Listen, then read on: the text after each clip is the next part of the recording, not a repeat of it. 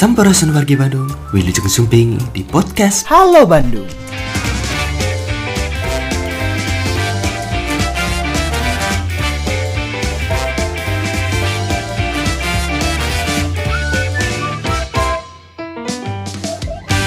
Menjelang tahun ajaran baru, pemerintah Kota Bandung melalui Dinas Pendidikan telah membuka penerimaan peserta didik baru atau PPDB 2021. Ada beberapa tahapan yang perlu diperhatikan dalam pelaksanaan PPDB tahun ini.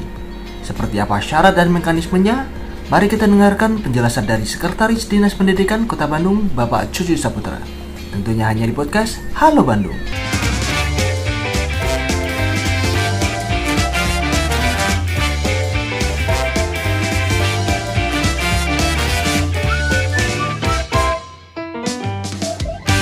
PPDB tahun ini diselenggarakan dalam suasana yang harus disesuaikan dengan kondisi dan keadaan berkaitan dengan COVID-19. Artinya bagaimana pelaksanaan PPDB ini dilaksanakan tidak berpotensi yang berakibat pada terjadinya pelanggaran protokol kesehatan. Mengapa demikian? Sebab PPDB dua tahun yang lalu adalah PPDB di mana masyarakat datang berbondong-bondong ke sekolah yang dituju, yang dipilih. Di tahun ini bahwa pendaftaran peserta didik baru itu dilaksanakan secara online, tetapi bagi masyarakat yang mendapat kesulitan dari sisi akses maupun dari aspek atau kebiasaan menggunakan gawai, maka ini akan dibantu pendaftaran itu melalui sekolah asal. Sekolah asal ini melakukan komunikasi yang intensif yang selama ini sudah terbangun melalui PJJ. Setidaknya para wali kelas sudah memiliki komunikasi dengan para orang tua siswa terkait putra-putrinya selama PJJ. Maka potensi relasi komunikasi itu digunakan untuk menginformasikan segala sesuatu hal terkait PPDB sekaligus melakukan pendataan dan semua data yang diberikan oleh orang tua kepada para wali kelas di tiap sekolah itu semuanya dalam bentuk data digital. Nah, dengan demikian, karena datanya adalah data digital, maka cukup orang tua berada di rumah dan menyampaikan segala persyaratan ke para wali kelas. Kemudian nanti oleh para wali kelas akan membantu pendaftaran. Tetapi dengan catatan tidak menutup kemungkinan bagi orang tua siswa yang secara mandiri akan melaksanakan pendaftaran sendiri itu dipersilah. Tetapi berdasarkan data tahun lalu ternyata hanya mencapai 20% masyarakat yang daftar secara mandiri melalui sistem online. 80 persennya dipastikan dibantu. Yang akan daftar ke SD dibantu oleh Bapak Ibu Guru TK yang akan daftar ke SMP akan dibantu oleh Bapak Ibu para wali kelas SD. Begitupun yang akan ke SMA. Sehingga hal yang harus segera diinformasikan ke publik adalah bahwa tahapan PPDB itu secara garis besar ada dua. Pertama adalah tahapan pendataan dan yang kedua adalah tahapan pendaftaran sampai dengan pengumuman kelulusan. Ada sebuah tahapan yang harus dilalui dulu yaitu tahap pengisian data diri. Nah, ini yang kadang-kadang di persepsi publik cenderung mempersepsi PPDB atau ngawitan. Padahal bukan ngawitan, bukan mulai pendaftaran, tapi baru pendataan data diri. Dan ini waktunya 24 Mei sampai dengan 11 Juni dan sekali lagi semua data-data itu adalah berupa data-data digital agar apa? Agar orang tua tidak hadir atau datang langsung ke sekolah. Dan data-data yang diserahkan tidak perlu bawa map, menyerahkan ke sekolah asal, cukup menyampaikan segala data-data itu dalam bentuk data digital. Nanti selanjutnya itu akan dilakukan oleh masing-masing operator tiap sekolah. Nah, pengisian data ini waktunya sangat lama. Kalau pendataan diri ini sudah lengkap semua siswa, maka nanti akan dimulai ke tahap pendaftaran. Data diri ini nanti akan digunakan untuk apa? Kira-kira itu. Tentu tergantung nanti jalurnya. Kalau jalur afirmasi tentu berbeda dengan data diri yang ikut jalur prestasi. Kalau dia data jalur afirmasi, maka dia harus melengkapi misalkan bukti-bukti keikutsertaan dalam program-program pengentasan kemiskinan. Nah, ini harus masuk di sini. Ya, selain KK, KTP, nanti ada data-data yang sifatnya umum dan ada data-data yang khusus. Contoh, anak tersebut nanti akan ikut jalur prestasi di bidang akademik dengan menggunakan nilai rapot.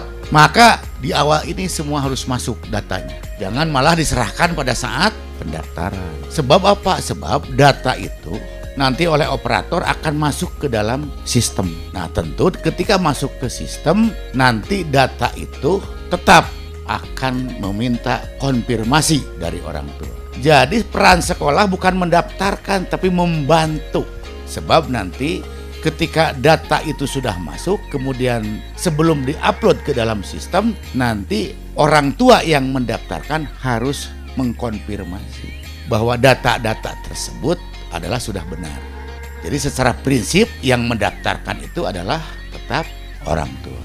Nah, secara garis besar setelah ada pendataan ini dan ini harus masif disosialisasikan ke orang tua siswa sebab jangan sampai nanti ada istilah aduh udah kawit mah uninga sehingga datanya tidak sempat masuk karena PPDB itu secara garis besar ya kira-kira kalau rumah itu eh, pintunya tidak satu ya ada pintu jonasi ada pintu prestasi ada pintu afirmasi untuk masyarakat yang tidak mampu dan ABK ada pintu satu lagi namanya perpindahan orang tua. Maka jadwal PPDB itu ini jalur afirmasi pendataan 24 Mei sampai 11 Juni. Jalur jonasi dan perpindahan orang tua pendataan tetap 24 Mei sampai 11 Juni. Jadi jalur apa pun yang akan dipilih pendataan data diri peserta didik adalah dalam waktu yang sama yaitu 24 sampai dengan 11 Juni. Jalur afirmasi dan jalur prestasi kalau data ini sudah lengkap maka dimulai pendaftaran itu 14 sampai dengan 18 Juni. Jadi dia mau pilih sekolah mana, di zona mana itu 14 sampai 18 Juni jalur afirmasi dan prestasi. Itu diawalkan pengolahannya. Dan ini sampai diumumkan hasilnya di tanggal 24 Juni sampai dengan daftar ulang. Nah, setelah beres jalur afirmasi dan jalur prestasi, ini ada hal prinsip yang jalur prestasi maka ketika dia tidak lulus di jalur prestasi punya kesempatan kedua di jalur jonasi. Nah, tetapi untuk yang jalur afirmasi ini yang perlu kami sampaikan bahwa siswa yang jalur afirmasi itu apabila tidak diterima di pilihan satu dan di pilihan dua, maka akan kami beri kesempatan sampai dengan empat pilihan. Dua pilihannya di sekolah swasta. Jadi pilihan satu sekolah negeri untuk yang RMP itu. Pilihan kedua di sekolah negeri tentu di zonanya. Pilihan ketiga sekolah swasta, pilihan keempat di sekolah swasta. Dan apabila ketika empat, empat pilihannya tidak ada yang keterima, akan kami salurkan ke sekolah swasta yang tidak menjadi pilihannya, tetapi yang mendekati rumahnya. Mengapa demikian? Maksudnya adalah karena Kota Bandung sudah punya kebijakan bahwa warga yang RMP ini akan mendapat bantuan RMP dari APBD Kota Bandung. Jadi, yang namanya RMP itu walaupun dia memilih di swasta, keterimanya di pilihan ketiga keempat di swasta, jangan khawatir, jangan khawatir harus membayar uang pendaftaran, uang muka, uang pembangunan dan sebagainya oleh pihak swasta.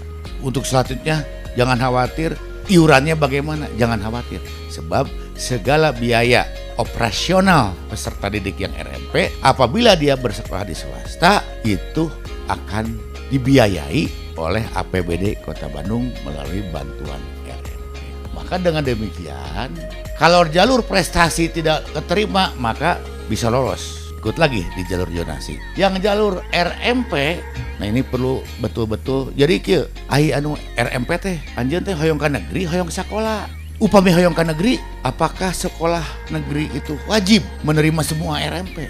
Jawabannya saya katakan, kami katakan tidak wajib. Kenapa demikian? Karena dalam peraturan orang RMP itu ada kuotanya sekian persen. Nanti kami sampaikan berapa kuotanya.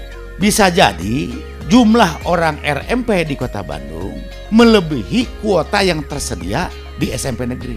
Yang berakibat siswa tersebut tidak keterima di negeri. Nah, kalau keterima di negeri, maka yang bersangkutan dipersilahkan di swasta. Takut pak, saya nggak punya uang, dibiayai oleh APBD Kota Bandung melalui yang namanya bantuan RMP. Pilihan ketiganya keterima nggak keterima, pilihan keempatnya nggak keterima dan milih no sekolah nu tarbih, nusarae, punten tanda kutip banyak kompeten. Maka kami akan mengeksekusi kira-kira begitu. By system yang bersangkutan langsung ditempatkan di sekolah swasta yang paling dekat dengan tempat tinggalnya. Sebab bisa jadi siswa RMP tidak memilih sekolah swasta yang paling dekat dengan rumahnya. Yang berikutnya, mengapa jalur prestasi diawalkan? Karena siswa-siswa yang punya prestasi bagus itu jangan sampai menjadi korban. Dalam pengertian dia ikut jalur prestasi, tidak keterima, anak pinter. Maka kalaupun dia tidak keterima, masih punya harapan memilih sekolahnya nanti di zona yang paling dekat. Nah ini gambaran secara garis besar, jadi ini jalur afirmasi dulu, kemudian dilanjut dengan jalur zonasi dan perpindahan yang akan dimulai tanggal 28 Juni. Bereskan dulu jalur afirmasi dan prestasi. Dengan harapan sekali lagi di jalur zonasi ini yang RMP jangan sampai bocor ke sini. Bocor itu dalam pengertian ikut lagi di zonasi. Kami ingin sampaikan siswa tersebut secara sistem akan dikunci jadi sistem akan menolak apabila udah keterima di jalur RMP ikut daftar lagi di jalur zonasi.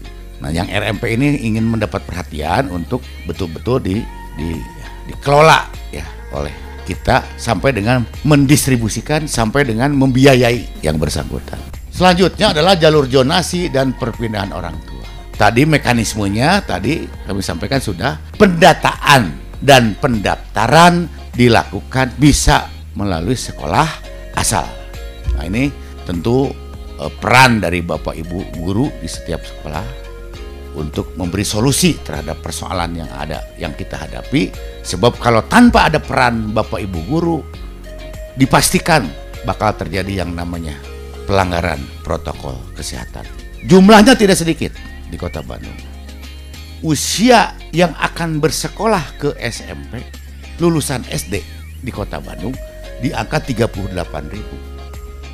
Usia yang akan masuk ke SD juga di angka 38 ribu. Usia yang akan mendaftar ke SMA juga di jumlah 38 ribu. Bisa dihitung. 38 ribu dikali dikali 3. Betul ya?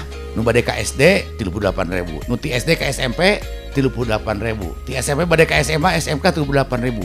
Kalau mekanismenya dilakukan seperti dulu, orang tua pada datang ke sekolah pilihan, ke sekolah tujuan, maka potensi sekitar 140 ribu di kota Bandung pada saat 28 sampai 4 Juli berarti 4 hari ya akan terjadi mobilisasi masyarakat yang tidak terkendali. Sebab naon tidak terkendali sahanutunya ah karena apa pun kira-kira protokol kesehatan atau apa pun bisa jadi akan akan berpotensi untuk dilanggar.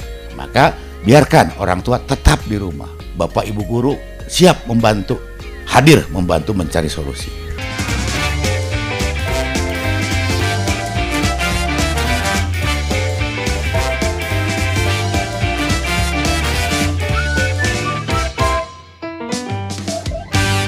Seperti yang disampaikan Sekretaris Dinas Pendidikan Kota Bandung, Bapak Jojo Saputra, bahwa pemerintah Kota Bandung mulai melakukan pendataan calon siswa pada proses penerimaan peserta didik baru atau PPDB 2021 pada 24 Mei 2021. Proses pendataan akan berlangsung hingga 11 Juni 2021. PPDB tahun 2021 ini hampir sama dengan tahun sebelumnya, yakni pendaftaran secara online. Namun kali ini orang tua diarahkan untuk meminta bantuan pendaftaran di sekolah asal. Sampai jumpa di podcast Halo Bandung episode selanjutnya. Ingat, di mana pun dan kapan pun kita berada, tetap terapkan 5M. Memakai masker, mencuci tangan, menjaga jarak, menjauhi kerumunan, dan mengurangi mobilitas.